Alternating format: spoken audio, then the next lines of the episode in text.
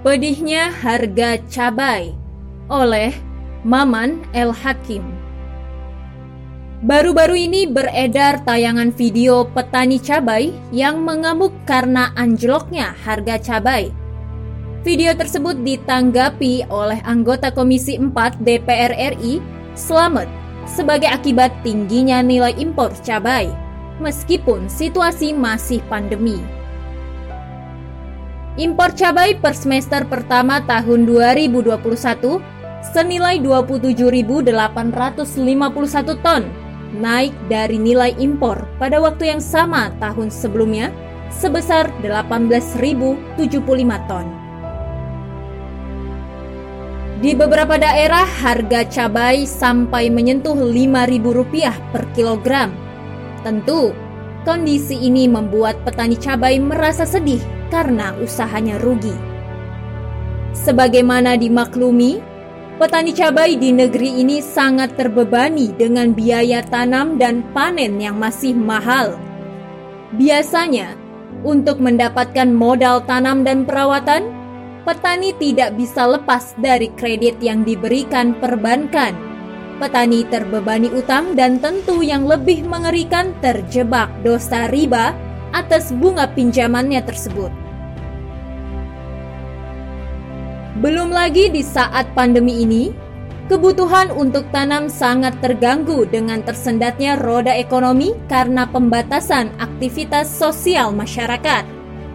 Petani menjadi serba salah saat musim tanam berbiaya mahal, namun saat panen tiba, harga anjlok karena pemerintah mengimpor cabai dari negara lain. Masih tingginya nilai impor tentu karena adanya perbedaan harga yang dinikmati para kartel.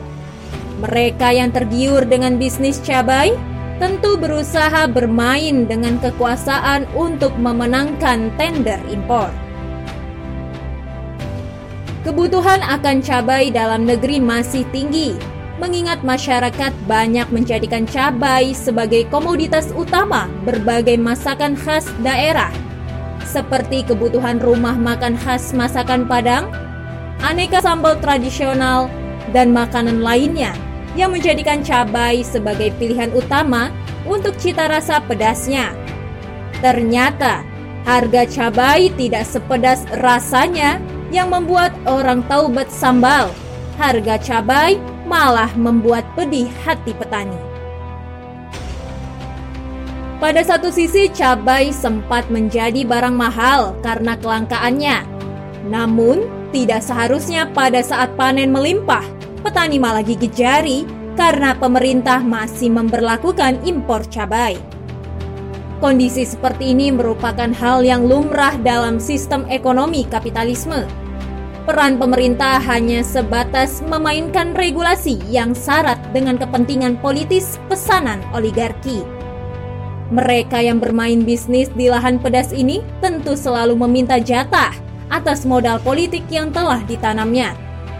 Kebijakan impor yang selalu meningkat menandakan bahwa kapitalisme memang selalu menguntungkan para pemilik modal, bukan petani lokal.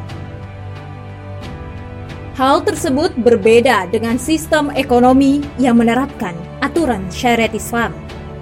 Masalah ekonomi bukan semata-mata ada pada sektor produksi, melainkan juga menyangkut pengaturan negara pada distribusinya. Negara sangat berperan dalam memenuhi kebutuhan pokok rakyatnya dan melindunginya dari segala praktik kecurangan bisnis, apalagi kerugian akibat keputusan penguasa yang dinilai menzolimi.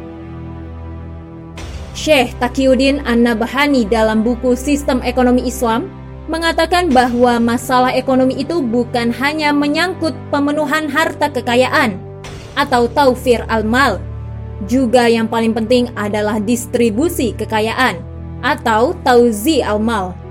Persoalan kedua ini yang menuntut peran negara dominan karena menyangkut konsep pemikiran. Kebutuhan pokok hidup rakyat harus terpenuhi dengan pelayanan negara yang memudahkan petani untuk mendapatkan hasil panen yang baik. Salah satunya, negara tidak akan membiarkan keberadaan lahan kosong Bahkan syariat Islam mengharamkan sewa lahan pertanian. Kebutuhan petani akan dicukupi dengan upaya kemudahan bantuan permodalan yang diberikan oleh Baitul Mal dan penyuluhan teknis pertanian dari ahlinya yang diupah oleh negara.